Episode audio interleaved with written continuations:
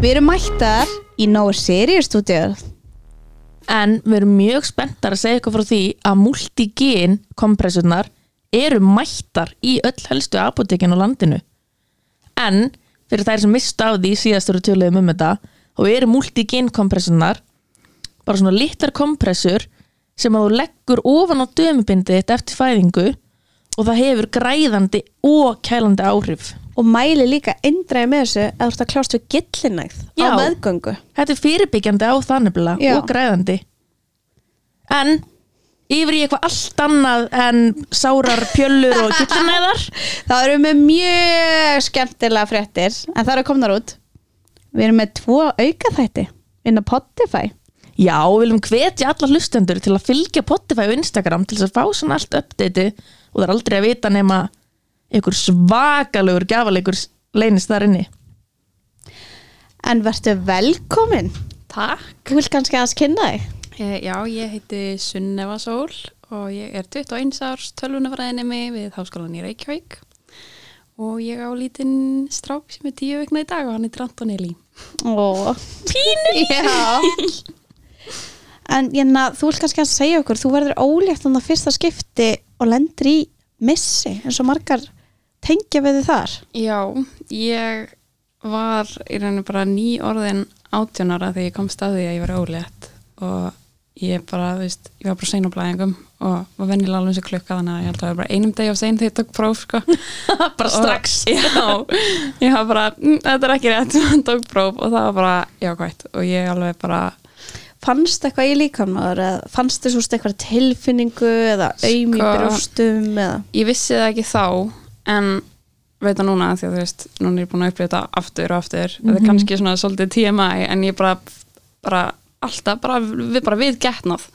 Það var bara bara í bullandi hægðatröðu já En skemmtilega ángríns, bara svona besta óleitaenginni en þú veist, ég var náttúrulega vissi það ekki þá að það væri óleitaenginni, ég held bara að ég væri eitthvað stíflað þannig að já, en annars fann ég ekki neitt þarna sko. Um, ég ringdi sko í vinkonu mína fyrst áður en ég sagði kærastana mínum. Og svo sagði kærastana mínum og svo sagði mömmu og allir bara hvað, þú veist, ég var grátnandi því ég sagði mömmu sko, ég er náttúrulega nýjárin átján bara eitthvað fokk, nýbyrju í, þú veist, háskólanum og hún bara, akkur þetta gráta? Er þetta ekki öruglega bara gleðið tár? Jú, ok. Bara ekki að hún var að stiðja mér þannig að við stöðum fóruldrum hans líka Þannig að þú varst bara mjög ánægð strax. Já, eða veist, ekki alveg strax sko. Fyrst var ég bara frekar Hvað ég gera? Já, frekar stressið líka af því ég var svo ung. Mhm. og vissi ekki alveg svona þú veist, hvort að ég vildi þetta eða hvort að þú veist fólk myndi dæma mig og bara, þú veist, ég var frekar svona óviss, en svo var kærasta minn svo til í þetta og hann alltaf aðeins eldri en ég. Og hann svona eiginlega talaði mig svolítið inn í hugmyndina þá varð ég ótrúlega spennt. Þetta er líka bara svona rússibanni af tilfinningum. Algjörlega sko. Ég held að ég hafi bara þú veist vi- vissi stundum ekki hvort að ég væri að gráta eða hlæja sko. Bara svona hysterical. Ángriðins og svo þú veist vorum við búin að segja öllum sko að þú veist við sögum fóreldrum hans og fóreldrum mínum Mhm. og sískinum okkar og svo fara fóreldra mínir að fylgja litla bróðum mínum í landlisferð til útlanda. Mhm. og þau voru búin að rúti ég held í fjóra daga eða eitthvað þegar að það kemur svona pinka blóð bara þegar ég er að skeina mér.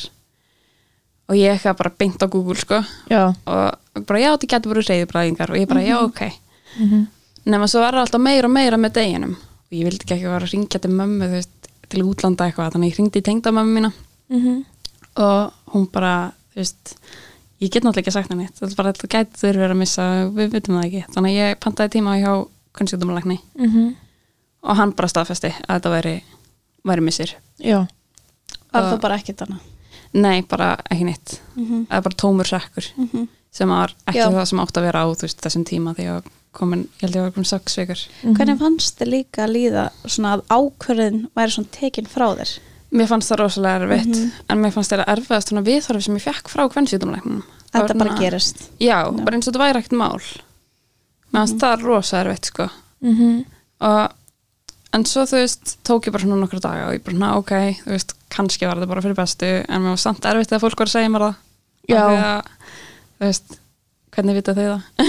Og þú veist, hvernig átti ég líka að vita þú veist, ég vissi ekkert hvað hefði verið betra og hvað ekki. Þú veist, ég vissi bara að þetta væri ekki að fara að gerast. Mhm. Svona, tók við eitthvað svona sorgarferðli hjá þér? Alveg smá sko, en ég var samt rosa mikið eitthvað megin að reyna að láta að líta út eins og þetta hefði engin áhrif á mig. Mm bara Svona gerist, já, eitthvað bara svona. því þetta gerist og svo er allir segja mér að tölfræði, þú veist, það gerist við svo útrúlega margar og ég bara, já, ok. Mhm. þú veist, fannst einhvern veginn eins og ég hefði ekki rétt á því að líða illa. Já, svona alltaf gert svolítið lítið úr þessu. Já, Mhm. nákvæmlega nákvæmlega, það er bara akkurat þannig sem En hvernig leiðir líka þegar það kom að mánuðinum sem varst ættir að vera sett? Nei, sko, heldur eitthvað í svona ekki, sko. Ég fattaði, ég varð óleitt aftur. Hversu fljótt eftir á? ég fattaði það á deginum sem ég hefði verið sett. Nei. Jú. og ég var bara, þetta er meant to be. Mm bara, yes. Voru þið þá að byrja að reyna sko, eða leifis að gerast? já, meira þannig sko. Mhm. að því að, já, og þú veist ég var náttúrulega bara í námi og eitthvað þannig að þú veist, það er alltaf að ég veit að það er ekki gerst en svo, þú veist, líka mjög margir sem segja þessi besti tíminn til að eignast barn er þegar maður er í námi og eitthvað og ég var bara, þú veist ég var alveg til í þetta en líka alveg til í að það myndi ekki gerast. En Og svo bara svona hugmyndin var komin Já. eða Flugan var komin í hausin algjörlega, ef ég hefði ekki verið óleitt þarna þegar ég er nýjóra áttur á að þá hefði, þú veist, ég bara ekki einu sinni pælt í þessu, sko. Já. En þarna var ég, ég var bara yes, ég er tilbúin. Let's do this, bara geggjað. Um, og ég bara, ég pantaði tíma í snemsonar af því að ég var svolítið stressuð náttúrulega. Mhm. og átti tíma já, ég var komin átta veikar þegar ég fór. En hann var bara, nei þú ert ekki komin átta veikar þetta er mestalagi svona 5-6 vikna fóstur. Og hann fann engan hjárslátt en, En- það sást fóstur. Já að sást sekkur og Já, sást inn í því og ég bara, ok, lítið. ég hef aldrei séð þetta áður, skilur, þú Já. veist, ég var búin að sjá tóman sekk og núna var ég búin að sjá sekk með eitthvað aðeins inn í. Lítið bön Já, og þú veist, hann var sem sagt, ég fór til sama kvennsjúkdómalæknis og hann var bara svona, þú veist, hann er bara svona, ég held að hann sé bara svona brjála jafna ekki, þú veist, hann var bara alveg bara eins og það var ekkert mál. Já, þannig að ég var bara, ok, þetta var alveg ekki neikvægt kannski ekki jákvægt, en alveg ekki neikvægt hann var bara, alveg bara sagði ekkert, en ég fekk tíma aftur tvei vengur setna og þá tók ég mömmu með mér hvernig leiðist þetta á þessum tveim, tveim vikum? Ég var bara, ég er ólega já, Mhm. já, já, af því að ég með hann sagði mér ekkert. Nei. Hann sagði ekkert að það hefði verið eitthvað óleilegt að hann hefði ekki séð hjartslátt eða, nei, þann bara sagði já, það er ekki hjartslátt eða ég finn ekki hjartslátt. Hann sagði ekkert að það væri ekki hjartsláttur hann bara, já, ég finn hann ekki. Og gaf mér tíma bara tveim vikur setna bara því að því ég held að ég var komin lengra en ég var og eitthvað þannig ég var bara, ok, tók mömmu með mér í þann snemsonar að því að kærast minn var að vinna. Og þá segir hann bara fóstur þessi ekkert búið þróskast og ég bara, ha? Hvað meinar þú?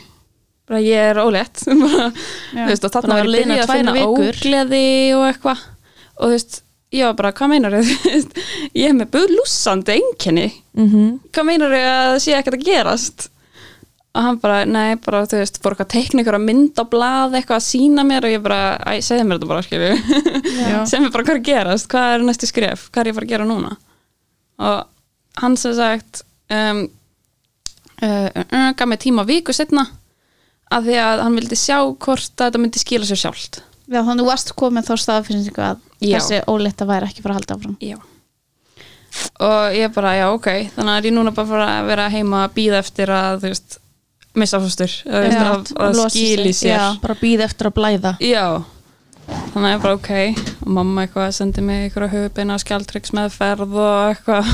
En hvernig leiðir þannig að það gerst aftur? Ég var rosalega bara svolítið dofin. Mhm. og líka á þessum tíma sko, þetta var sem sagt í mæ 2019 og eða í april þegar ég komst að ég rólegt og í mæ sem sagt og april þá er tengdamá mín hérna upp á lík, líknardeild með krabba minn.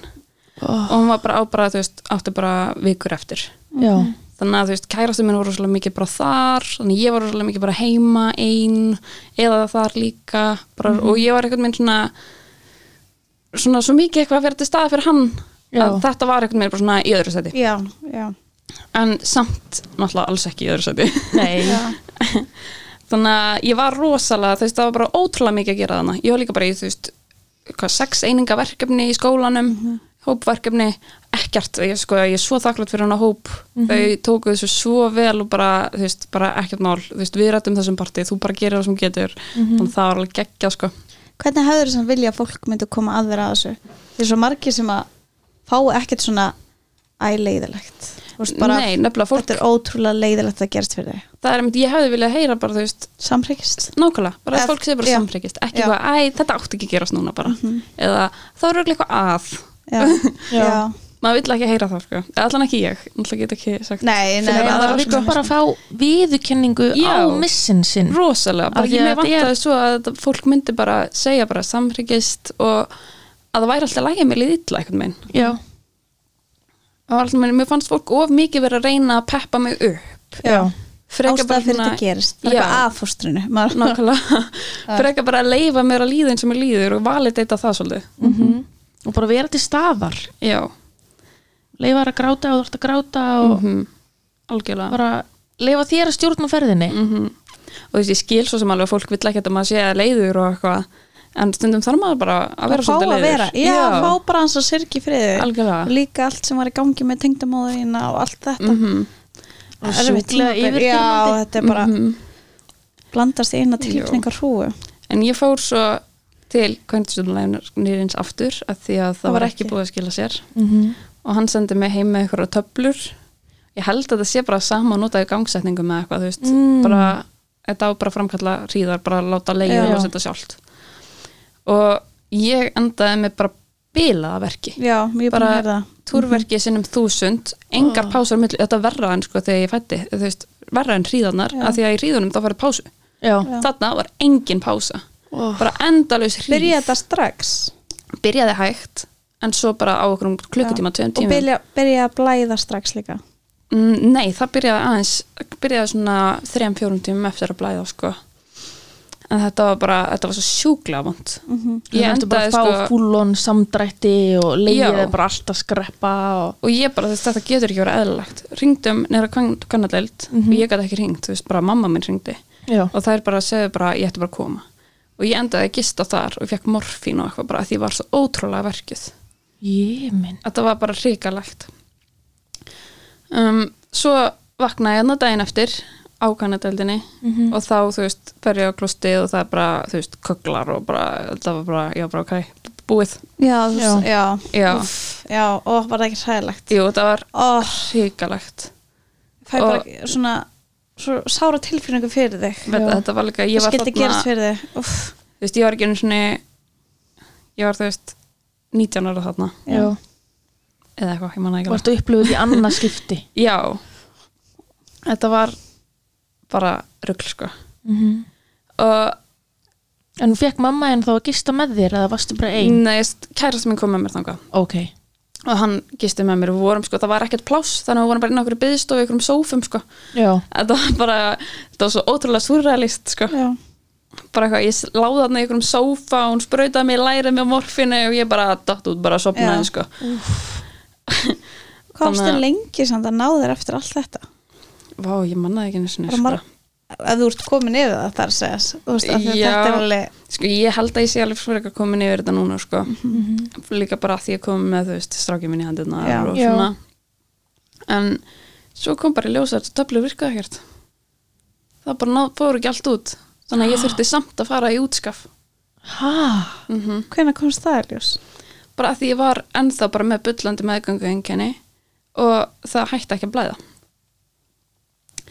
þannig að ég fór bara aftur ég fekk fór í skoðun þarna í, þar sem að fyrir svonar þannig að Já. ég var þarna á byðstöðunni með öllum ólíktu konunum að fara að gá hvort það væri eitthvað en það hjá mér.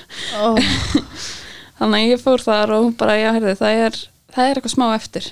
Þannig að þú þarf bara að fara í aðgerðana og ég bara, já, þannig ég hefði alveg einskið bara sleppt töflunum og í Já. aðgerðana ótrúlega snarlegt og svo fer ég í aðgerðana og sama dag og ég í aðgerðana þá deyr tengdamamma mín það var bara þetta tímabil ég hugsa tilbaka og hugsa bara hvernig ósköpunum gerði ég þetta. Bara þetta var rugl. Og ég náttúrulega þú veist vakna bara, ég er bara ennþá bara í ruglinn út á kærulissislifjónum þegar síminn mm ringir og þá er það kona tengdababba míns sem er að segja að við þurfum bara að drífa okkur upp á líkna til þetta kveðja þannig ég fór beint á spítalanum og bliknadild, ég fór ekkert heima að kvíla með það neitt, ég var bara en sem betur fer jafnaði mig bara svo hratt og vel að ég, veist, fann valla fyrir því ég hefði verið að gera henni, sko. Já, kom Já, bara eitthvað- svona- já, verkunin kemst yfir þetta þegar maður þarf þess. Algjörlega. já, eins og þarna þú veist, var bara eitthvað annað sem var í fórgangi mm veist. og það er með líka, sko það var náttúrulega fer það bara í fyrsta sæti. Já. bara já, ok, ég var um þess að fóstur en kærastinn minn að og indislega sýstir hans, þú veist, þau voru að missa mömmu sína. Já, Mhm. Og það var bara svolítið í fyrsta sæti algjörlega þarna, Já. sko. Já, og ég myndi, ég var að rifja þetta upp um daginn og kærastinn minn var búin að gleyma þessu að þetta hefði gerst. Já, hann, móki. Já, hann bara myndi ekki að Já. ég hefði farið í þess aðgerð á þessum degi. Það er svona, já þannig að þetta var alveg frekar hefi tímabili bara þarna. Mhm. en þannig að úf, já, maður er bara orðinlaus bara Mhm. það sem er lagt á suma Fólk. einstaklinga, já þetta var bara svo eitt áfall í einu sé ekki nóg. Nákvæmlega, nákvæmlega. já, já vá. Ég er bara sem að sjokki. Já ég, ég er bara smá ég bjóst ekki, er en þú svona, veist þetta var, vá. Ég bjóst við ykkur svakalegu en ekki alveg svona miklu. nei, elskan. Ég veit ekki eiginlega hvernig hvernig ég var af hverju er ég að hlæja? Þetta er ekkert Svona svolítið. já maður er bara svona uh, hérna en eftir þetta þá var ég alveg bara er það ok, ég ég er bara ólétt. Já, en samt var ég líka bara, ég er bara gölluð. Já. ég er léleg kona, ég Já. get ekki gengið með barn. Já, bara ég missi bara alltaf og þarna var ég bara þú veist voru, kærast minn spurði eitthvað já ok, viltu ekki fara á pilluna eða þú veist eitthvað og ég bara, okkur, ég missi eitthvað sem er bara. Já. Bara ég þarf ekki, þú veist, hvað, svo ótt að ég var óðurlétt mm og það bara, við vitum þetta alveg, við erum búin að gangi um þetta, tvisar já, já, Þannig að, já, en við vorum bara, þú veist, mér langaði líka ekki að fara á getnaverða því að hormónu fara svo ótrúlega illa í mig, sko. já, Þannig að við vorum bara að nota smokkinn og svona. Þangað til að ég var bara, þú veist, ef við ekki bara að reyna aftur.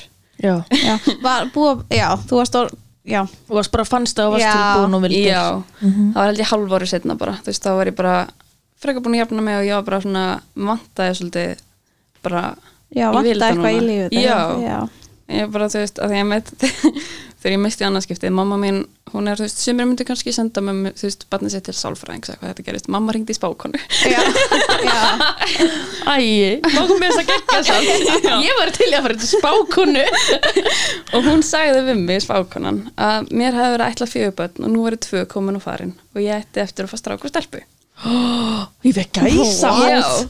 og ég bara, já, ok hérna, Oh my god. Ok það er frábært Já. þannig að, og nú er strákur minn komin já.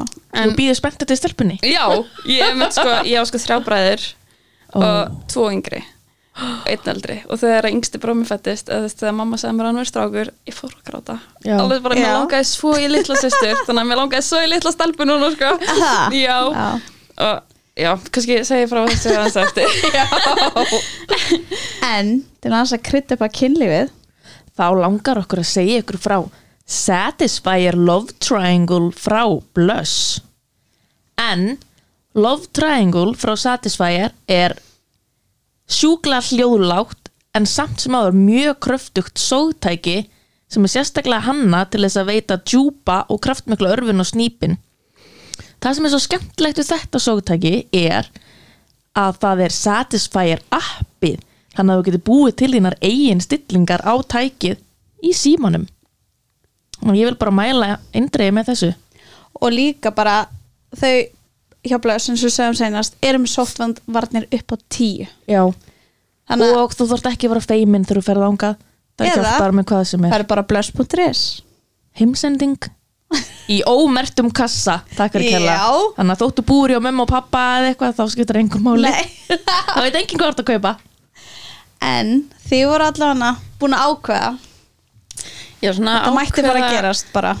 Sko, það er kannski svolítið fyndið að segja frá því en við ákveðum til rauninni bara að því við áttum ekki smokka. Og við nættum ekki að kaupa fleiri þannig bara, já, ok, er þetta ekki bara tíminn? hei, þú hefði getað fengið fría í blöss Já, en Já, það bara svolítið það er að gefa frí að smokka.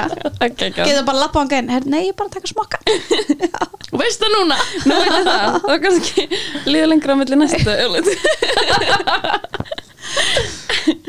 Nei, en já, þannig að þetta var í november og við ákveðum að fara til Tenerife við jólin. Bara þetta voru svona fyrstu jólin þú veist sem að þau voru ekki með mömmu sína þannig að við fórum sagt, ég, kærastu minn, sýstir hans og kærastinn hennar og pappi þeirra. Og svo hérna erum við að fara út og ég er 50 um á sein. Og ég er bara, þú veist búin að taka óleitu próf. Hvað er þetta langt á milli? Þetta er í Eh, desember þetta er og hitt var í mæ Maí. Mæ, Mhm. já. Tekur alveg halvt ára já. Já, Já. og ég tek óleitu próf og það er neikvætt.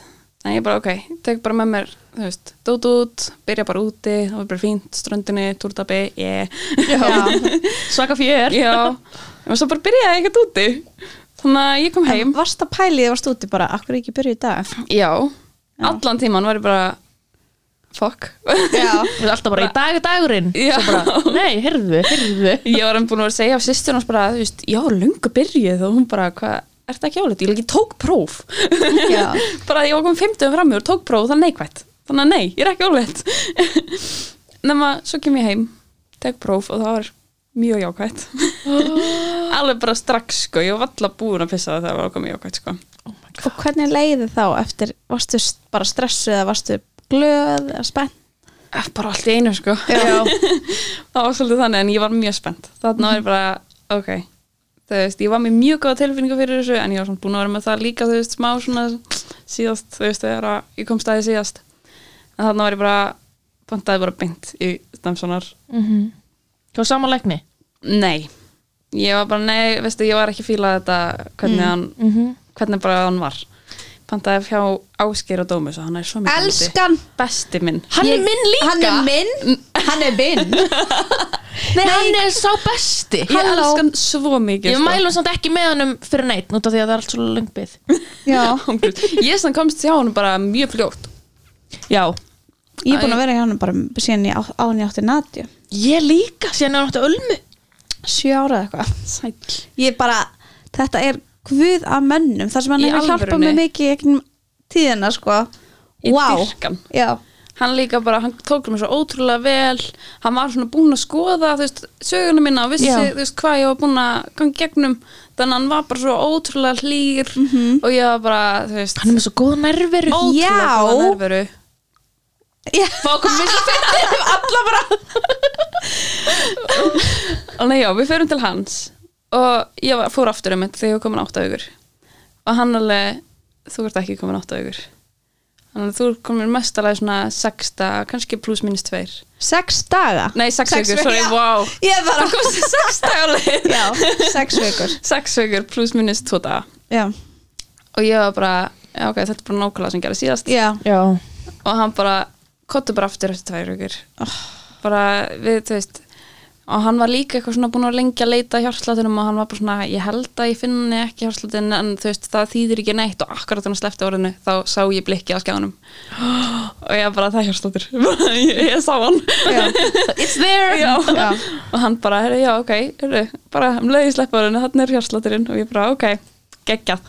Geggjað. Þá getur beðið tvær vikur. Já, einmitt, ef ég ekki sé hjársláttinn þá hefði ég náttúrulega bara verið bara, þú veist, kvíðakast upp í rúmi allir svo tvær vikur og þannig var ég búin að sé hjársláttinn og það var bara allt í lægi. En hvernig höfðu þið þetta? Sögðu þið mörgum? Ég sagði vinkonu, við sögðum eiginlega yngum þannig sko. Nei. En þú veist þetta er bara óskrifi regla Ég veit Þú það. ekki að fólk er að nota þetta bara Ertu búin að segja eitthvað Veit Út af því að fólk þarf bara að læra líka að falla með mánuði Í á Mhm. erfiðum tímum Algjörlega, og við einmitt vorum einmitt að læra svolítið að því, þú veist, að því við vorum búin að segja fólki síðast að þá vissum við svona hverjum við vildum segja núna. Já, Já Þá vissi að hverjir, bara hverjir tóku þessu, þú veist, vel og hvernig hverjir stuttu mest við okkur. Og svona hverjir geta gripið ykkur ef eitthvað fer úrskeiðis Já, einmitt. og það er gott að hafa eitthvað Það er ekki Já. gott að vera bara einn í sorginu sko. Nákvæmlega og þarna var sko stóri bráminn var einmitt að hérna konan hans var komin sjö mánuða leið þarna eða eitthvað hann var alveg einn af þeim fyrsti sem ég sagði sko. Já. Þannig að þetta var bara mjög næs. Við vorum rosa spennt þarna og fórum einmitt aftur bara tveim veginn setna og þá var þetta að fara að líta út eins og bann bara átta, oh átta vegna og kom bara, sá bara útlimi og haus og bara, vá bara, þetta, en þú varst bara komin stittra í Já, alveg ég var bara í alveg komið miklu stýttir það er bara verið ekla og setna eða Já. eða er lagst í dvala eða eitthvað bara já, já, sæði bara inn í er lagst í dval það Já, gerist ég veit Það lifir inn í marga dagur sko. Já, ég, vel, ég er nefnilega að googla þetta því að þú veist, ég var bara, nei, þá passa dagsetningar hann Já. ekkert, skilur, þannig ég var bara, já, ok, kannski, Já. kannski er þetta bara svona. þannig að það var alveg, já, fór aftur töngu síðar, allt í góðu, bara, og ég bara, ok, og hann sagði mig bara, já, að bandi í 12 vikna og bandaði lögsmöður. þá byrja loksins ferli sem það hefur langað. Já, sorry. já, Já, þá er mitt bara, ok, nú fyrir ég að hitta ljósmöður, bara geggjað. Og þá er mitt bara tvær vikur ég að hitta ljósmöður þannig að það var svona tvær vikur á milli. Já, Svo geggjað. Varstu með miklu ógleði sko ógleðin byrjaði hjá mér bara áttundu viku.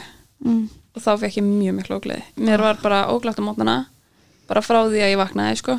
Og bara ældi og ældi og ældi og með enga matalist ég var bara, þú veist, kærast minn var að gefa mér bara eitthvað, bara til þess að ég geti bara eitthvað bara, þú veist, ABT mjólk og svona.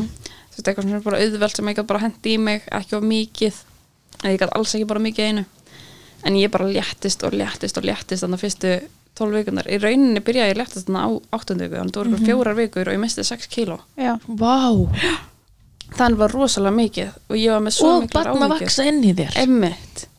En þú veist, svo var ég alltaf að hugsa bara veist, ok, þetta er samt svo lítið, þú veist, þetta er bara eitthvað líka hrísgrand allt sem að þú veist, þú setur fyrir fyrst og fremst til batsins Já, þau taka sitt, að það er bara- engin þú fær á bara að finna fyrir þessu sko. Þetta var alveg, sko, ég var mamma var með alveg miklar ágjur af mér og ég, svo sagði ég, þú veist, ljósmaður og hún var bara, "Mm, nei, nei. Bara, bara, þú ert, þú veist, þetta er alveg eðlilegt Deal with it Já, bara engar ágjur þessu hvernig fannst þér að fara í tólveikna?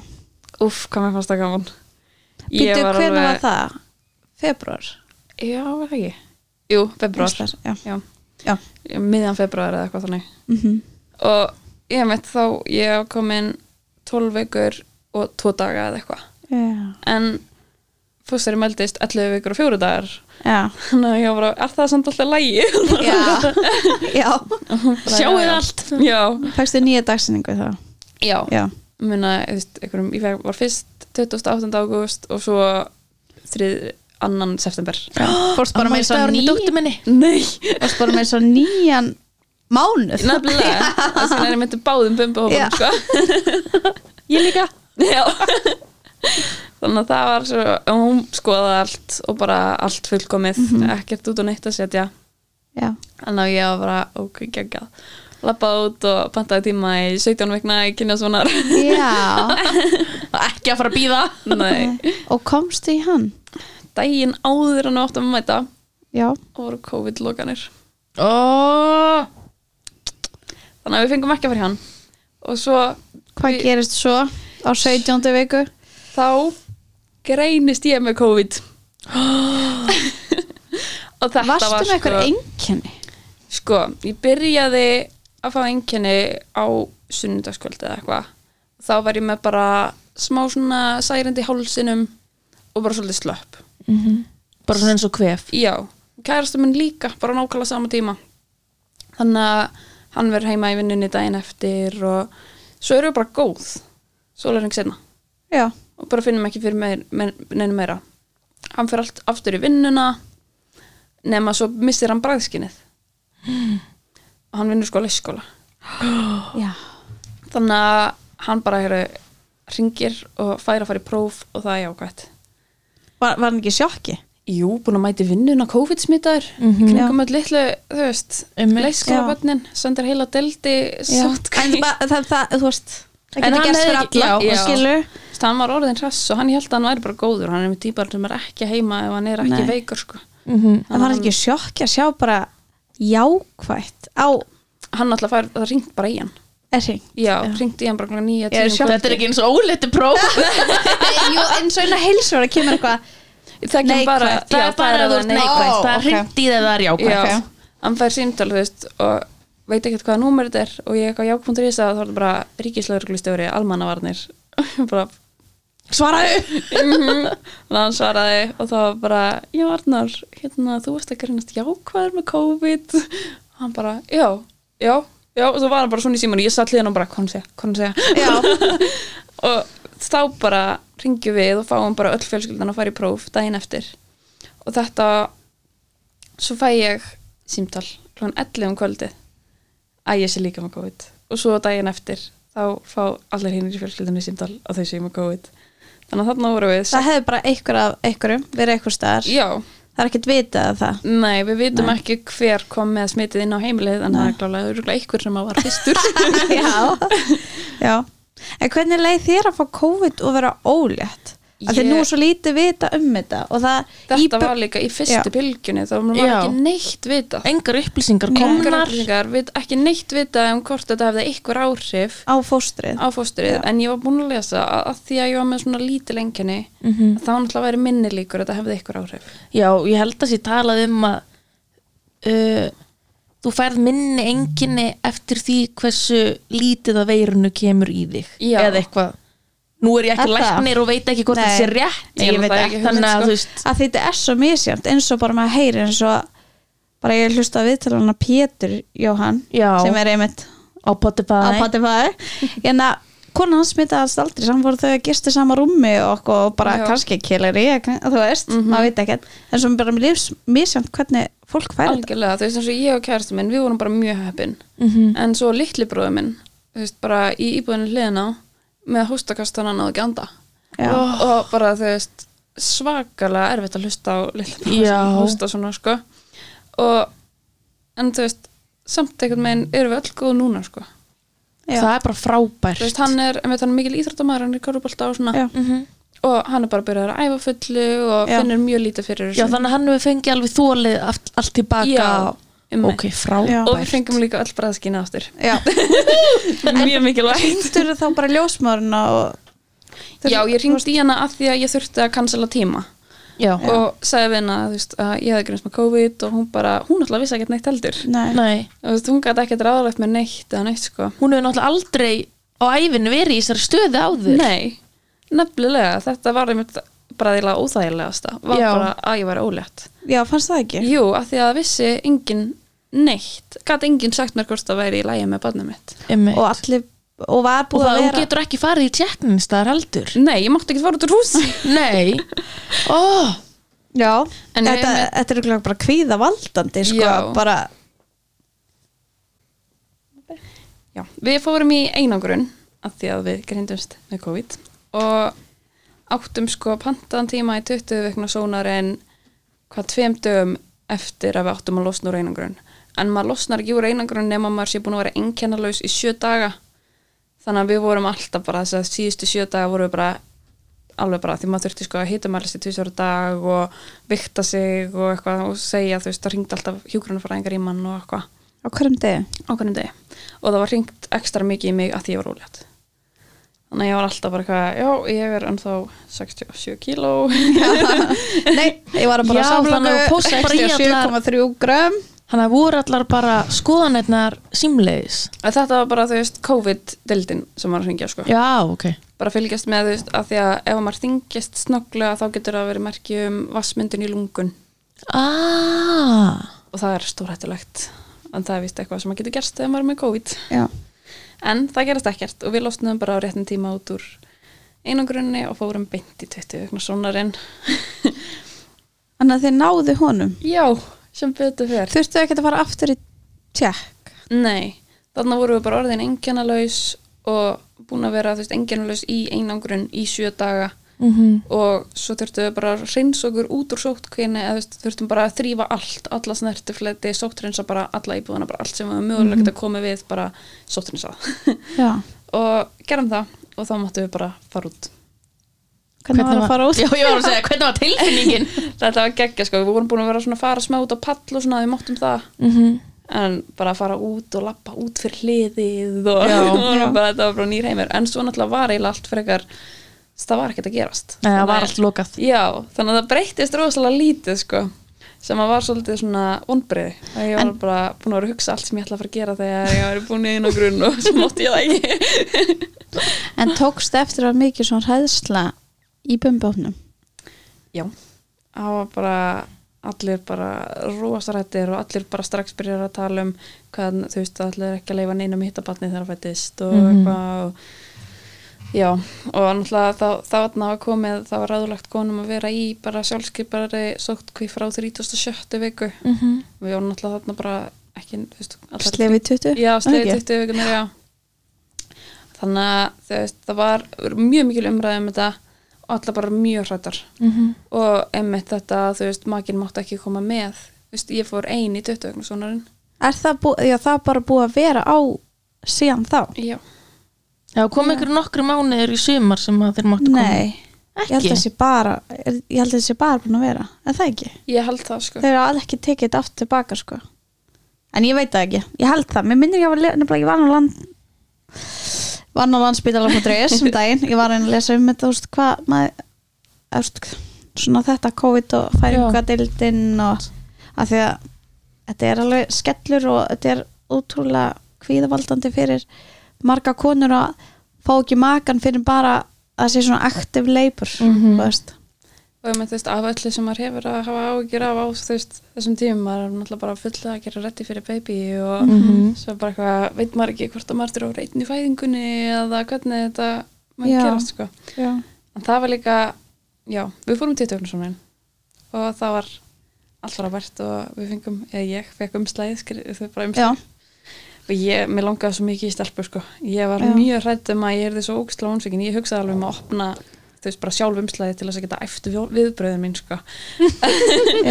En ég gerði ekki, ég náði halda út fór út í bíl og opnaði bara beint út í bíl bara fyrir. Þið tvö. Já, Já, hann var að býða út í bíl allan tíman Já. Var það ekki smá stressandi líka? Hann var náttúrulega Ef eitthvað myndi koma fyrir. Já, Það er ekki sjálfgefa allt fyrir, fyrir bara En samt það er yfirleitt Bara því sem að hlusta sko. Ég ringdi bara í hann þegar ég var þú veist, búin og hann var alveg, ég heyrði alveg þegar hann sagði hæ í síman bara, hann var bara hæ og ég eitthvað hæ bara reyndi að vera mjög glöð í röddinni bara, þú veist, þannig að hann vissi að það væri alltaf læg. Bara ég er búin, vil ekki koma sækja mig? Og hann bara, hú, jú, bara að hann var, þú veist, náttúrulega líka bara stressaður, ég myndi að ringja og bara segja, "Heyrðu, þú þarf til að koma inn. Já. þú veist, af því að það, það þú veist, sagt, ef að það er eitthvað að þá getur maður að fara saman á fund. Já, Já, þannig að bara hann vildi koma með en hann vildi ekki koma. Já, það náttúrulega bara mátti ekki koma inn, sko. Já, þannig að já, hann vildi bara að ég er þig glöð í síman þegar ég myndi að beða hann um að segja mig. Þannig að já, hann kom og sáttu mig og við sátum út í bíl með umslæðið svo er þetta náttúrulega bara stórt umslag okkur pínur lítill mið og við bara, ha, það er tómt. Já, en svo fundum við hann og það strákur og hann alveg, ég vissi það. Alveg hann var handviss og ég bara, já, herðu ok, Mest að vera stelpa? Fannst þér svona erfitt að svona móttækta þá. Bara, þetta er strákur. Mér fannst það smá erfitt sko. Það máli viðkynna það Já. alla tilfinninga eiga rétt á sér og Einmitt. það hafa margar sem að hlusta bara bæði kynin, kannski langaði strák eða langaði stelpu, þú veist. Hafa okkar væntingar og maður getur náttúrulega ekki ráðið ég er búið að langa í, þú veist, mér langaði svo í lítið sískinni, þú veist, litla stelpu. Já. þú veist, litla systur. Og svo var ég álegt að mér langaði svo í pínu litla stelpu.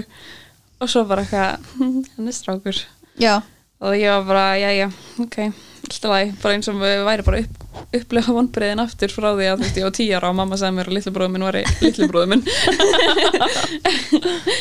En ég komst fyrir að fljóta yfir það samt, sko. Já, þú veist, ég byrjaði bara strax að vera spennt. Já, bara því að það, þarna var ég bara, þú veist, að tala um litla strákin minn og bara þetta verður svo raunverulegt þegar maður veit kynið. Það var bara einhvern veginn komin svona einhver ekstra mikið tenging. Mm -hmm. Þú veist, og líka fyrir kærasta minn. Það er líka bara geggjaða strák Ég er alltaf að segja þetta, ég elska það. Við veist, það er mjög gaman núna sko. ég, er, ég er ekkert eitthvað með batnum mitt fangir bara, ó, hepp, viltu Akkur, vera stelpa? ég sé bara sleipa á þig. Svartið haldur sér stelpa. Já, en hvernig leiði það á milli 20 og 40 vikur? sko, ég var náttúrulega svolítið stressið bara út á COVID þú veist, að hann myndi kannski ekki þau fá að vera með með ykkur, nei, í fæðingunni og svo leiðis þannig að við pöntum viðtal hjá Björkinni. Mm. Já, ég er búin að gleyma því. Já, auðvitað. Þannig að já, við gerum það og hann var ekki alveg Á til í 20 það fyrst, viku? sko. já, maður, það er vilja að fá mann í viðtal eftir 20 vikna Já, af því það er, ég veit maður þarf að vera að hafa hraðar hendur að hafa þær því að það er ná ekki að það ná ekki að taka móti öllum þannig að þið ætla að panta björkina bara, mm bara Því fyrr, því betra. Já, bara því fyrr og ég mæli svo með þessu sko. En kærastu minn hann var ekki til í þetta sko. ekki fyrst veist, bara ég var, ok, ég ætla að panta viðtalið og við förum í viðtalið og svo tökum við ákvörðin og hann bara, já, ok. Gæti alveg setti sig við það. Hann, uh, en hann var bara eitthvað hvað fyrir þú bara engin verkjalið og ég bara, nei. Já. ekki, ekki einu svona, svona gas. Og ég, nei, ég get kannski ekki nálastungur ha, og það hjálp eitthvað? En hann var aðalega stressaði fyrir því að mér myndi finnast þetta svo vond að þú myndir ekki ná höndla sársöka já, af því að hann á rosalega erfitt með það, þú veist, eins og ég fæ rosa mikla á þú veist, túrverki og svona. Þannig að hann er alveg, og ég mitt þegar ég fór í þú veist, fjakk þessar töflur þarna þá emitt var ég svo ótrúlega verkið og honum finnst það svo erfitt.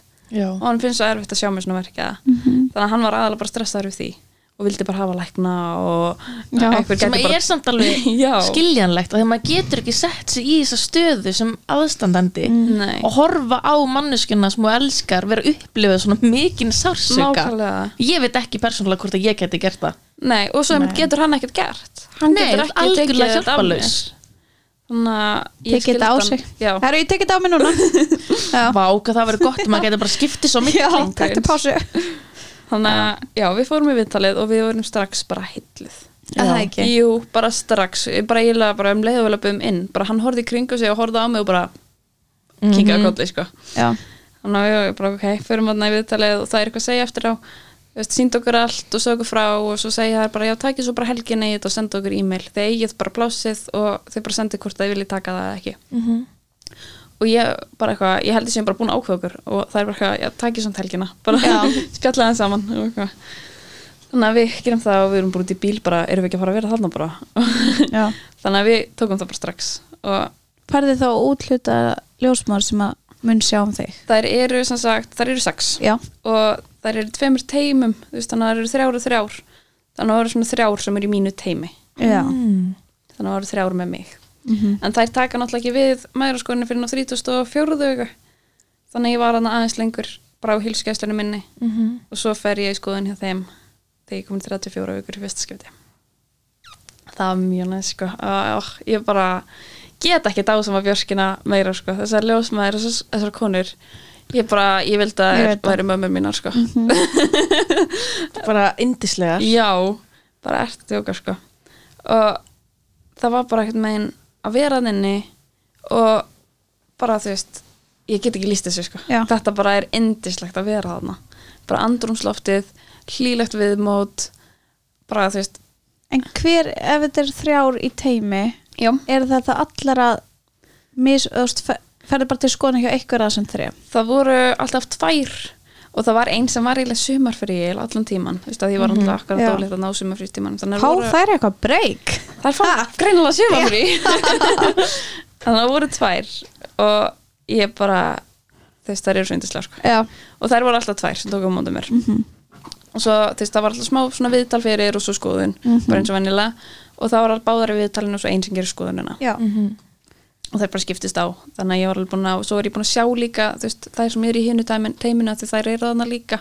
Já, þannig að þú veist, ef að þú veist, þær voru báðar út á landi eða næðist ekki þar og þá er ég samt búin að sjá þú veist, ljósmaðurinnar sem að myndi þá taka móti ef að það væri þannig það er bara sama hvað það er ekki ókunnur að fara að taka móti já, Mhm. það er bara, þú þekkir alltaf þannig sem tekur á móti þér þegar þú kemur þannig já, hvað gerist svo?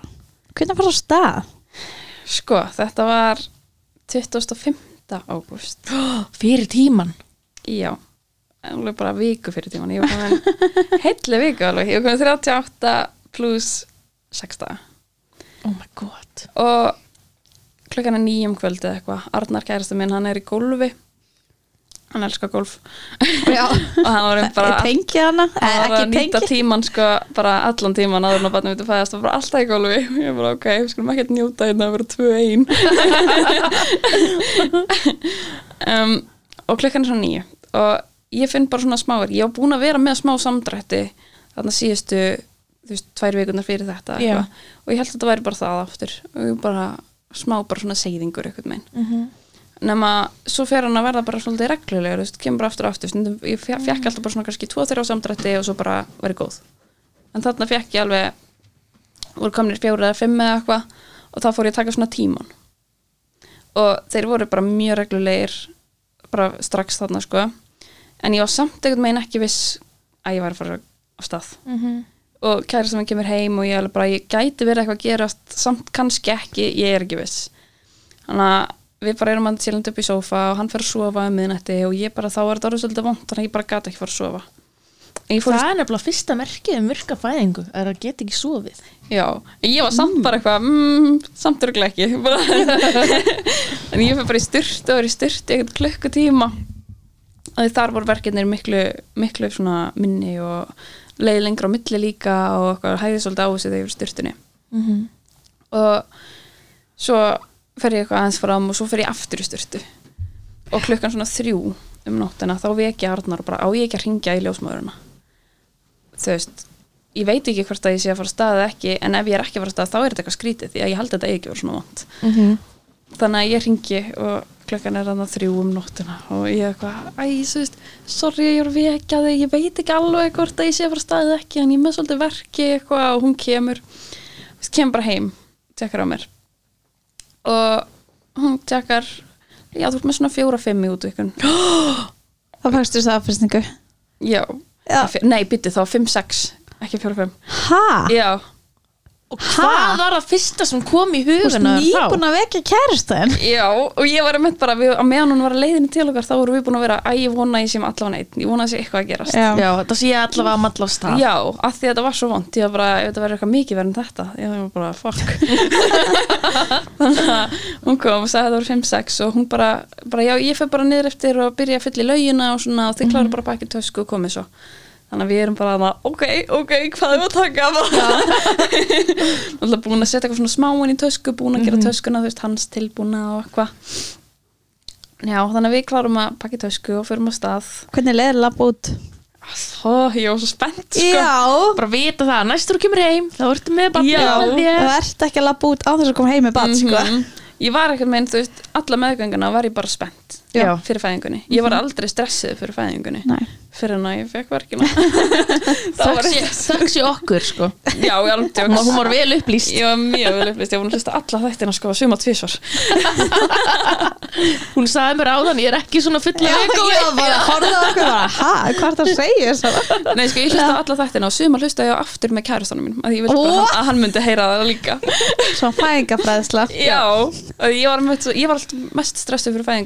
Ó. að hann ah, að því maður hefur heyrt það Já. það er alveg algengt Það er það að ég greiði þessi menn Já. eitthvað standa svo leið og koma að þessu kemur svo Já. spennufall leið og Ángríns. barnið fæðist og þá bara ok, barnið að koma og bara í jörðina það var bara Já, en við mætum hann í Björk og svo hún er ekki alveg full lögin þannig að ég bara sita á okkur mjókabólta í smá stund og veist, já, myndir þarna sem að ég bara písveggi eitthvað, bara ógislega spennt og þess og ég náði að anda mig mjög vel í gegnum verkina. Ég varstu búin að læra það eitthvað Nei, nafnilega ekki, það var náttúrulega, ég gæti ekki farið í meðgöngusund, ég gæti ekki farið í jóka, það var allt lokað út af COVID. Þannig að, ég veit ekki að þetta var bara eitthvað mjög eðlislegt fyrir mér, ég var búin að heyra einhverja, þú veist, einhverja sem kom í viðtal hjá ykkur vera eitthvað að sína hvernig hún andaði Já, hafindinni Já. Já. og ég svona, ég veit ekki, ég reyndi bara eitthvað smá að herma eftir því Mhm. og það virkaði bara ótrúlega vel. Já. Og svo þegar að það hvernig var, er það? hvernig var það?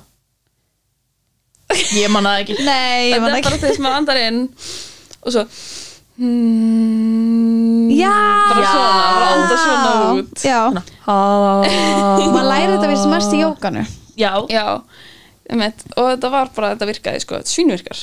Þó að ég hef ekki verið búin að læra þetta. Og svo þegar þetta var bara að verða svolítið óbærilegt að þá fór ég onni lögina og það var bara núlstilt ég bara, já, mér, fann, mér fannst samt mjög skrítið, mér fannst ekki eins og verkefnir eru minni, mér fannst ég bara ráða mikið betur við þá, núna. Já, mér fannst þeir ekkert eitthvað minna harðir eða eitthvað, þetta var bara, ég höndlaði það betur og hvernig var mér finnst ljósmórun var það? nefnilega Já. Æ, fyrir ekki þau Mér finnst bara oft, sko Ég veit ekki hvort ég sé svona barnalega eða eitthvað En það er alltaf talað um bara vatnið er verkja deyfing Já. og þess að þegar ég var í baðinu og fann verkina ég var bara hvernig að þetta veri deyfing veist, að, ég held að fólk þurfi svolítið bara að fara með opinn hug í þetta. Já. En samt líka bara hvernig þú tekur þessu svo þegar ég fór í baði fyrst það leima bara vel einhvern veginn fljó- já, fljóta í vatninu mm gat meira svona, ekki eitthvað svona kreppast öll saman upp í einhverju rúmi Já. eða eitthvað. Svo svona það að gerast, leifa blómin að vaksa Já, ég náttúrulega hef ekki samanbörn við landsbytalan Nei. en ég náttúrulega, þú veist, þær voru þú veist, þær voru ekkert að tekka útvíkun Mhm. þær voru bara, þær voru á milli hríða komaður með svona hjartsláttamæli Mhm. og voru bara að finna hjartsláttin á milli hríðana en annars voru, var ég bara svona bara ein, bara í mínu sóni, bara með kærastana mínum og Mhm. þær voru bara svolítið bara til hliðar Já, en voru það samt inn í herbygginu eða Nei, þær frammi, voru bara er það aðeins- ekki? Að. Leifa ykkur bara að gera þetta í friði Já, og svo ef ég, þú veist, vildi spyrja eitthvað eða eitthvað, þá bara, þú veist, koma þær og Ó, mér þetta svo fallegt. Já, já, var tónlist í gangi. Já, Já. það er svona bluetooth hátalara ég var með mína einn tónlist. Og var svona kerti eða eitthvað ilmur eða eitthvað? Ég, Vá, ég manna ekki, sko. Ég var náttúrulega var svolítið bara svolítið útrýðana, skilur ég bara á skjörnum og svona og ég man reyndar, ég var hann onni í laugin eitthvað og kærast minn lá á gólfinu hliðin á laugin og ég bara, hvað er þetta að gera, hvað er þetta liggur þarna? Eitthvað. Hann eitthvað, æ, mér er bara svolítið illt í bakinu. Og ég bara, og hann alveg, ég er. Ekki kvarta Bakinu segir Ef hann bara vissi. Nákvæmlega. Og mér hann alveg strax bara fatta hvað hann sagði bara, ég er ekki að kvarta, ég er samt ekki að kvarta Það er fyndið. Já, það var mjög næst sko. Um, já, en ég var þarna bara unni í vatninu þangað til að ég fekk bara alveg, hvað var það lengur tíma eftir? um, ég held að það hafi verið veist, við komum þarna niður eftir klukkan hálf fjögur nei fjögur, hún kom til okkar svona hálf fjögur. Ég komin þarna niður eftir svona tíu myndir kortir yfir fjögur eða eitthvað og það var klukkan átta Um morgun? Að- já, Já, bara fjórum tíma setna tefla. Já, og þetta var einmitt sko alveg bara svona bullandi rembingstilfinning sko, ég, var, ég var bara ósrátt að rembast og ég var bara eitthvað, ég er ekki að reyna þetta ég er ekki að reyna þetta bara, gerist bara tekur yfir. Já. Já, og ég var bara hvað er gerast þetta Já. ég fór bara svolítið svona, ég fekk svolítið sjokk sko. Já. og svo var ég aðna onni í alveg 40-50 mínútur að rembast og það var ekkert að gerast mm. þannig að hún segir mér að koma upp úr og tekkar aðeins bara hvað er í gangi Hvernig fannst þér hríðanar þá? Af því þá er þær í maxinu sko. Sko þarna þegar ég er þarna fekk ég bara rosalega til að pása á milli ríða þar Já. voru bara svolítið sambeldar og þetta var ótrúlega vond. Já, þetta var bara, þú veist en samt sko, ég var bara búið með undir þetta er verra. Já, þetta, það er sko Mér finnst líka einhvern veginn maður er svo að því að maður finnur svo mikið fyrir rembingstilfinningunni já, að það er einhvern veginn svona Taki yfirgna yfir, hríðaverkin. Einmitt, og það að svo ég rembist- í rembingnum. Já og þegar ég remdist þá fann ég verkin minna. Já, ég, mér finnst fannst það líka. Já. Þannig að ég var nefnilega búin að vera að passa mig svo allan tíman að vera ekki eitthvað svona að spenna vöðvan og herpa mig saman því ég vissi að það væri bara svona veist, virkaði bara á móti. Já. þannig að þarna þegar ég var veist, leifði mér að rembast og veist, spenna vöðvana og svona þá við fórstu upp úr og fórstu bara fjóra fætur eða? ég fór í bara í rúmið Já. og hún hérna skoðaði og þá var, þá var ég ekki búin með útvættkjörnuna Já ég var bara komið með rembistilföringana en ég var ekki komið með fulla útvættkjörn ah. þannig að hérna, og vatnið var heldur ekki ennþá farið. Já, það var bara spenntu belgur og hérna lítið búið að gerast í eitthvað klukkutíma eða eitthvað, þannig að hún sprengir belgin já, off Hvernig fannst þið það?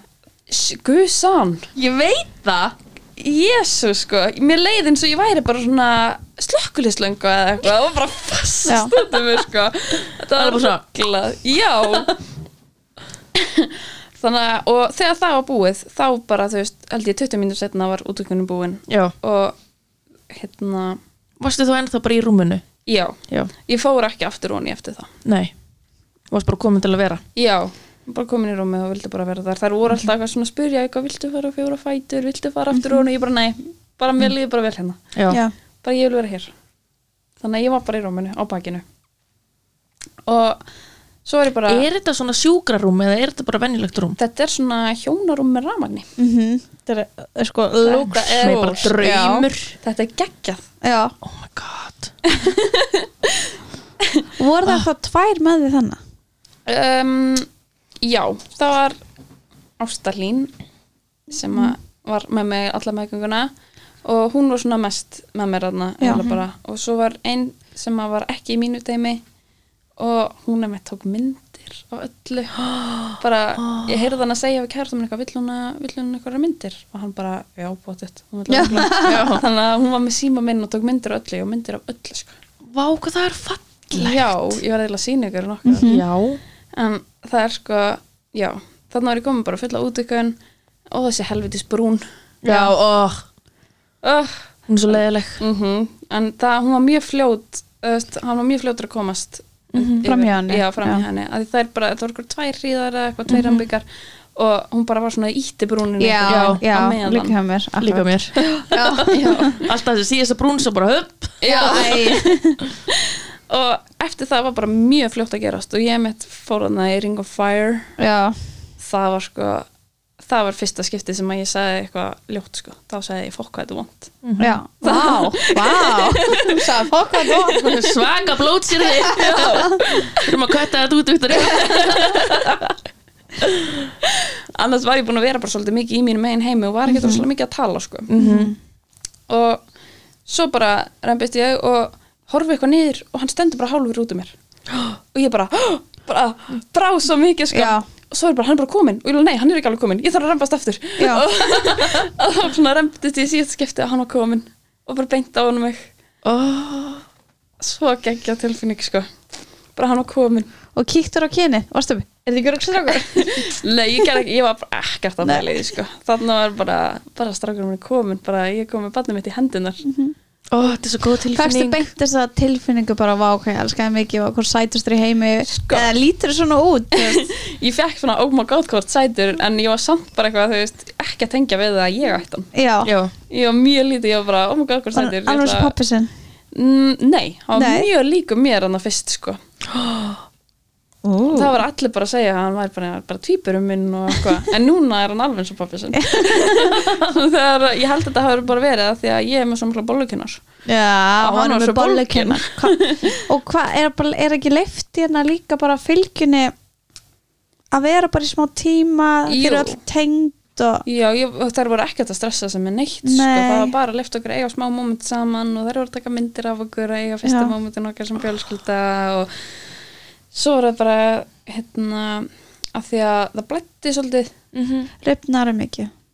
Ég ripnaði, ég fekk ann, annarsgráðu spangarifu og svo eitthvað tvær litlar hliðana, þannig að ekkert eitthvað bilað mikið sko. bara Um, þetta klassíska. Já, og þú veist, þær voru ekkert að stressa sem er fylgjuna en svo, þú veist, komu þú veist, voru bara að því að það var að blæða svolítið og þá voru að bara, ég ekki bara, þú veist, klára þetta. Mm þannig að við gerum það og Arnar fekk að klippa nafla strengin Ó. og við fengum að eiga skærin. Nei! Já, við eigum skærin heima bara sem að nota til að klippa nafla strengin Oh my god. Það magna, já, Ógislega gaman að eiga þetta, sko. Já, Þetta var bara, ég elska, ándöks, bara mælum með björkinu, sko. Vá, og hvað gerir svo að þú veist bara en Er eins eitthvað- pæling með Já. Björkina að því að þú varst væntalega saumið smá. Já, eru þær með staðdefingu fyrir saumaskapin? já Ok, Það er sko, ég þannig að þær voru alveg, ég var í klukkutíma þannig að bara liggjandi að þær voru að sauma mig mm og þær voru fyrst með eitthvað spray já, og svo sprautuðu þær eitthvað Mhm. líka, þú veist, þær eru með allt í það sko. ok Það er bara gott fyrir hlustundur að vita það Já, og það, Já, mér já. fannst það, þú veist, þetta var, ég fann ekki fyrir því sko. Nei, Nei. Það, ég hef heyrt nefnilega sumi bara hvað, já, saumaskapurinn var bara verri en fæðingin og eitthvað, en ég fann ekki fyrir því, sko, Já. bara deyfingin virkaði 100% Já, já og það er líka voru ekkert að spara deyfinginu, sko. Bara eins og þetta á að vera Já, Já. algjörlega.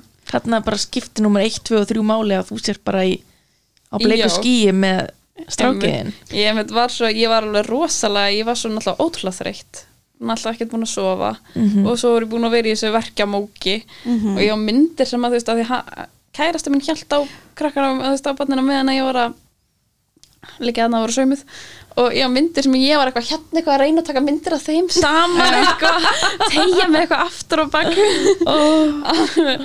Og þeir voru mjög sætur saman hana og þetta var tók út klukkutíma og þeir hvernig bara fannst hva, ég, hva, þegar listrákan var að koma út horfður á kærstan líka? Kíktur á hann var hann grátandi og... sko, hann var grátandi, ég er náttúrulega búin að sjá það núna Já. því ég er búin að sjá myndirnar en ég var ekkert að pæli því fyrir hann var komin þegar komin með hann á bringunni þá svona horfði ég á hann bara, Já. hann er komin bara, stolt, já, bara, já. bara ég gerði þetta, ég Já, gata og hann er við ógislega spennt fyrir eitthvað, ég horfði.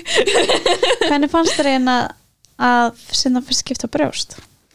Sko, ég var mér langaði bara að setja hann strax á brjóstið en ég var alltaf bara, hvernig veist hann brjóstið? Hvernig veist hann brjóstið? Og það er bara bara slaka aðeins á, þú veist, hann er bara góða núna og það hjálpuði mér bara með það að setja hann á brjóstið og mér fannst það ótrúlega vond ótrúlega með vond brá? Já, að þeir bara allt í henni bara, já, bara sígst þetta bara eitthvað lengst í kók sko. ángreins og þetta var bara, en hann er með eitthvað sóvillu sko. Já, það er búið að vera, við erum að vera með bara mexikanattana og svona Já. sko af því að hann, ég held að hann tæki bara brjóstið of grunn ah, já, hefur þú prófað hambúrgaran? að prófa allt. Já. já, það er bara, hann er, ég held ég En þarf- ef að hatturinn virka fyrir ykkur þá er það líka bara frábært. Já, það er mitt, ég er ekkert að stressa mig á því sko, af því að líka þú veist, hann tekur alveg brjóstið, skilur án hattsins þannig ég veit að þegar ég er tilbúin í það þá get ég hægt með hattin þannig að, já. En ég, en ég, ég fekk bara mjög mikið sár já, já. Bara, þetta var ekki næs. já, stundum er þetta annað tunguhaftið Já, það sérst ekki að tunga aft sko, en ég er að pæli að fara með hann samt til eitthvað svona láta hann sérfræðings. kíkja. Já, af því að þú veist, maður hefur heyrt að því að ljósmaður og læknir segja að sé ekkert og svo fara með Já. til tannlæknis og þá bara já, það er bullandi aftana en er hann á 100% á brjósti í dag? Já, Að því pela? tilefni ætlum við að gefa henni multimam kompressur. Já, aðfenda þetta hérna formulega þetta er sem sagt alveg eins kompressur og eru sem við sögum ykkur frá áðan þetta multigin fyrir bjöluna en nema þetta er á brjóstið og þetta er græðandi, kælandi og bara mestasnildin takk þú ert ekki að geima þetta í ískap til að það kæli. Ó, næs Mér finnst það mynd svo leðalegt við hinna, þú veist, frá öðrum Já. það þarf oft að setja það inn í ískap til að gera eitthvað kælandi. Og standa upp hann á í það Já, það er ótrúlega leðalegt það er svo erfitt að standa, sérstaklega með nýbúin eiga það er bara erfitt að standa upp það er það, það það tekur bara á Einmitt, ég var alveg eins og mörgæst bara í tvær vikur eða eitthvað sko. Já, andjóks, það tekur bara tíma. Mm Alltaf svona setjast ótrúlega valega niður og og sko, ég hef rófubins brotna tvisvar það er verra að setjast eftir fæðingu heldur en þegar maður er rófubinsbrotin. Og ég held alltaf að segja að róðbreynsbrotna í fæðingu. Já, nei, nei, nei. Var bara, ha? bara á trampolíni. Og í hálku en ég er ekki að djóka það er verra að setjast eftir fæðingu heldur en í rófubinsbroti. Já, Já, þetta er ekki Úff, ég er bara, ég veit ekki hvað ég hef borgað mikið. hvað var hann stór? hann var 17,2 markur. Var hann sann stór? Hann var stórstrákur sko. Hvað og hann samt langur? viku fyrr. Já, ég, þessi fyrsti sónar hefur bara verið eitthvað Veit sko. hann var 53 cm já, hann kom bara á réttum Ég held þannig að þetta var eiginlega engin hérna fósturfita á honum já, hann var bara tilbúin hann, hann var bara alveg tilbúin að algjör bolla sko. Já, Ég held bara, hann, þú veist, ég get ekki ímyndað mér ef ég hefði kengið fullar 40 vikur sko Úff, það var lengt í eins og Viktoria já, það var simt út. já, já, mamma, ég ætla að koma. Já. bara að fætt full vaksan kallmann að því. Oh my god. En mér langar að segja ykkur hans frá krukkumatnum hjá hip. Frá hip. Frá hip en eins og allt annað frá þeim. Það er allt lífrænt votta. Ó já. Og maður verður að velja fyrst og fremst lífrænt votta fyrir barnið sitt ef maður hefur tök á því. Algjörlega og það eh, þótt að þessi lífrænt votta þá er þetta ekki dýrara en nei, vörur. Og líka sem er sniðut við krukkumatin, ekki alltaf skvísunar Mhm. er að þú getur nýtt krukkunar Áfram. End, já, þú getur endur notað þér þú veist, þetta er ég ætla að mist mjög gott að huglega líka að kaupa krukkumat og endur nýta, ekki alltaf skvísur ekki alltaf þetta innóta já, ég er að mynda að segja það mm -hmm. Þannig að ég mæli með að kíkja á hip næstur í búinu og kaupið og veljið lífrænt ræktað. En hvað gerir svo þegar þið farið heim? við náttúrulega förum bara heim sko 6 tíma eftir fæðingu Er hann skoðaðar þarna? Já, það er skoðan og það, þú veist, þær eru náttúrulega rosalega góður í þessu sko. Þannig, og ef að þær sjá eitthvað þá, þú veist, er kallað læknir og eitthvað, þú veist. En það var bara, hann var bara fullkominn. Þannig að þær skoðan bara hann og bara stór og flottur. Já, ótrúlega flottur og fín og við fáum bara að vera heim og hún kemur svo bara strax annum kvöldið í fyrstu vitjununa Já, þannig að, og var það ekki þægilegt? Jú, æ, það er svo kósi eitthvað. Já, líka maður fer heim og var allir námar að byrja að gefa því brjóst og maður Já. kann það ekki, ekki komið á lægið og Einmitt. þetta er alveg stressandi. Maður er alveg, situr og horfir bara á barni bara en það anda? Já, maður er Já. alveg svona býð eftir að komast heim svo maður komin heim og maður bara oh my god, bara ég með alla ábyrðina bara hvað ég að gera? Ég bara situr inn og horfi. Ég bara, Nákvæmlega, ég var bara, jæja, við erum komin heim með barni, hvað nú? bara þetta er the rest of the life. Nema hann lemiði núna með bílum. Býtu bara. En hvað, úst, kemur hún og viktar hann og Já, hún viktaði henni þetta ekki, hún kom bara Nei. aðeins og bara tekka á okkur, mm að spyrja hvernig gengi, sjá hann aðeins á brjóstinu Já. og bara svona aðeins, bara taka smá spjall, að við vorum eitthvað spurningar. og varstu með hann að samdrætti? Ég fekk mikla Já. samtætti á meðan hann var að sjúga, sko. já, það er ógst Alveg. vant Ótrúlega vond. Þetta var bara, það sagði mér enginn frá þessu, það sagði mér engin ég var líka bara, hvað ég var náttúrulega svið, bara hvað er þetta Já. hvað er að gerast sko. sko? Bara, ha, okkur er enda með hríðir. já, að því bara þetta var bara eitthvað sem að enginn sagði mér ekki Nei. bara, hann er tvíburi já þú veist, að því ég fekk alveg svona svona hríðaverki aftur Já, svo, ótrúlega þægilegt. Og ég með, þú veist, ég upplýði nefnilega mjög mikið sársöka við brjóstakjöfuna þess að fyrstu daga. Bæði út af því að hann var að sjúga svo vittlaust ég var bara fann að kvíða því að leggja hann á brjósti af því að það Já. var svo vond og svo einmitt líka þessar hríðatilfinningar þessar samdrættir í leginu. Þannig að já, það var ekki þægilegt. Nei. En núna gengur sem betur fyrir alltaf vel Já. brjóstakjöfin og svona. Og var hann duglegur að Já. þingjast og bara strax? Sko, hann léttist hann var léttastur. Í fimmdagsskoðunni þá var hann 4000 slétt. Já, og það var að léttasta sem hann varð. Þannig að hann léttist um 300 gram. Já, um, sem er ekkert svo mikið. Nei, en hann, hann var, var svo stór já að það máttu missa mér. Hann mátti, hefði Já. alveg mátt sko, heldur hans í litlu, litlu það fer eftir stærð sko. já, þetta er, það er eitthvað miða við bara 5-6% eða 58% af fæðingaþyngd væri þér sama, ég Viktoria? held að tósa í headphone. Ég held að alltaf slamma hérna. En hvernig fannst þér sængulegan?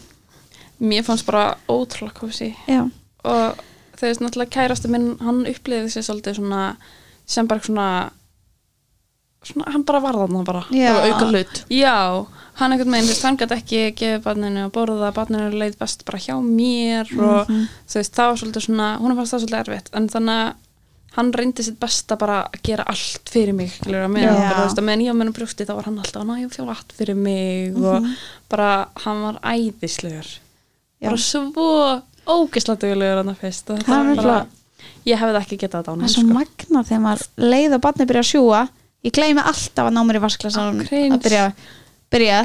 Svo og svo byrja að sjúa að þotna upp. Já, ég bara ég bara eins og ég væri að eyði mér. Já, Þetta ég var bara gæti ekki kynnt og maður bara náði maður bara alltaf um leið að maður komið barnabröstu og fattar maður hverja Já. maður glinda að taka með sér. Já. og kannski skilda maður síman eftir hinum einn í Já, og maður situr bara- og bara og maður bara fastur. Já, alltaf það var ekki margir sem tengja líka við mig en að ég droppa orð símanum svona tvisvar, þrísvar andlita á barninu Viktoria, þú segir ekki frá svona.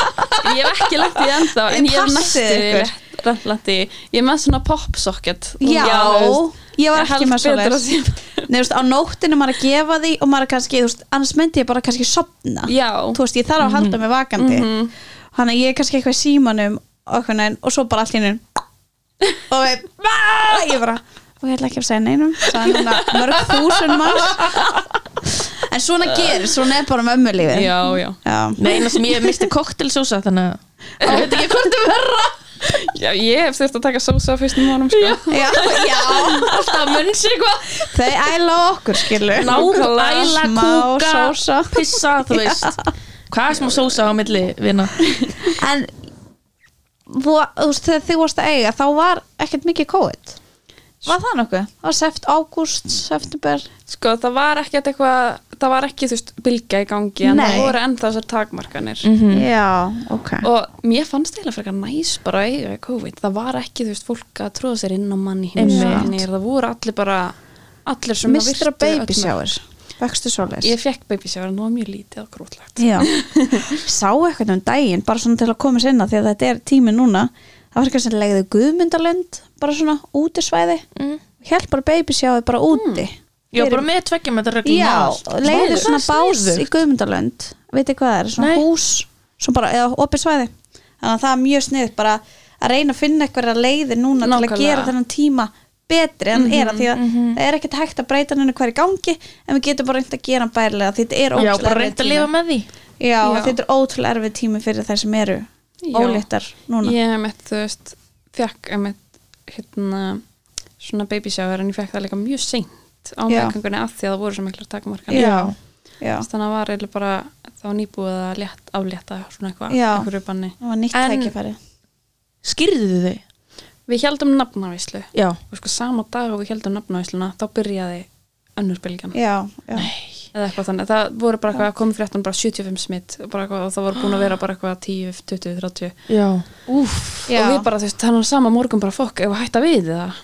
Já, bara samdægur Já, já, við ákveðum að halda hana bara og settum bara inn á, ég myndi á Facebook að við skildum alveg ef að fólk treysti sér ekki Já. að mæta. Já það er margir sem er bara live stream þetta í dag Já. og hafa svona nafnarleik í staðin fyrir Já, bara, ég sé eitthvað svona nafna krosskátur Sko við gerðum krosskatu fyrir nafna visluna það var ekki? gaman ógeðslega gaman, bara dreifðum blöðum Já. og allir eitthvað að reyna að finna út og við eitthvað alveg bara, Já, er eitthvað búin að finna er eitthvað búin að ná þessu?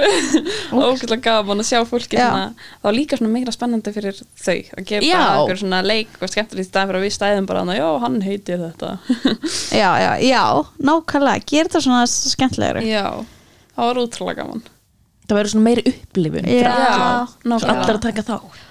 Já, það er er óléttur Já. Svo, ég á eina frængur sem finnst það bara mjög næsa því hún er bara heima með kærsýrum já, þú veist, sumir, sumir eru bara svo leist en sumir eru að upplifa mjög mikið kvíða og, mhm og eitthvað svona þannig að, Ég mynd, þú veist, ég hefði kannski verið stressari í sengulauginni ef að við hefðum ekki verið, þú veist, búin að fáta á með Einmitt Þannig að við vorum Já, minna að stressa Já. okkur, sko. Við Já. vorum alveg að leifa fólki að koma í heimsókn og svona. Mhm. Bara, En að því að hann var í maganinum þegar þú færð COVID og Er færð hann með mótefni, er hann með mótefni? það er nefnilega spurning, sko. Þegar ég var, ég er búin að lesa alveg hellinga rannsóknum um þetta. Já, þannig að Það það er- er ekkert tjekkað á því eða neitt svoleiðis Nei, það væri örugglega hægt að tjekka á því en það er Já, bara með gert, blóðprufu. Sko. Já, Nei, ég, með langar eiginlega bara ekkert að setja hann í Nei, blóðprufu, sko. maður leggur það ekki á svona Nei. lítið Nei. þarf ekki sko Nefnilega. þau eru valla með æðar til að finna sko. Mhm. það er mjög haustnum já, það er Já. mjög erfitt sko, að hitta Na, Oh. Já, en það er sko það er ykkur rannsóknir sem sína að hann gæti verið með mótefni en þá er það bara eitthvað lítið og Já. þú veist, dugar ekkert eitthvað lengi sko Nei. Ah, ég skil, ég skil bara svona eins og þú veist eins og ég fekk hann að bólusetningu á maðurgöngunum þú veist, fyrir kíhósta, fyrir hann Já, þannig að það, þú veist, á að duga fram að þryggja mánuða þegar hann fær sprauti þá what, ég að aldrei sé í bólusetningu Nei, þetta er, ný, þetta er eitthvað nýtt Já, ok, ég var líka bara býttu, Já. býttu Hverju misti ég á? og núna maður fer í hérna, fær eitthvað bústreiks bólusetningu og þá að venda batnið fram að sprautunum Vá, hvað það er frábærar fréttir já, að því að það kom eitthvað smit eitthvað svona, þá var svo mikið að kíhósta tilfellum og eitthvað, þannig að það bara alvöru? já. þau þurftu bara að grípa inn í sko. Mhm. Ég minn það er æðislegt maður að Já. Frábært að sé gripið inn í. Já, mm eins og bara mislingana þegar þau komið þá var strákur minn bara pingu lítill. Já, vá, og ég þurfti að fara í sér sprauta með hann. Já, ok. Og það var ekki maður að fá. Já, ég líka. Já, hann að Og ég var leiðin til útlanda. Já, já. Maður er alltaf svo gáfaður. En það sem við þurfum að loka þættinum ég veit ekki hvað klukkan er eins og bara takk hella fyrir að koma bara minnsta mál. ótrúlega gafur að fá þig ég er bara smá í sjokki. Já, 21 árs með, og með alla þessa sögu? Já, alla þessa reynslu á bakinu og, já ég er bara það var einmitt sko þegar að þú veist, fæðingin var svona draumafæðing og svona, Já. ég var bara já þetta skilið ég var bara, Já, þú er búin að vinna inn fyrir þessu. Já, þetta var geggja ég var líka bara að gengja svona vel. Og mér finnst Já. alltaf svo gaman að heyra líka þessi jákvæði fallegu sögur sem að, já, um, að það er alveg það er ekkit eins og þótt þú sést ung og ert að fara að eigna spatt, það er ekkit sjálfgjöf og eitthvað slæma fæðingu Nei, eða, eða eitthvað svona. Það er bara allir gangur á þessu. Mm ógæslega gaman að heyra. Og bara takk fyrir. Takk fyrir mig. Þanga til næst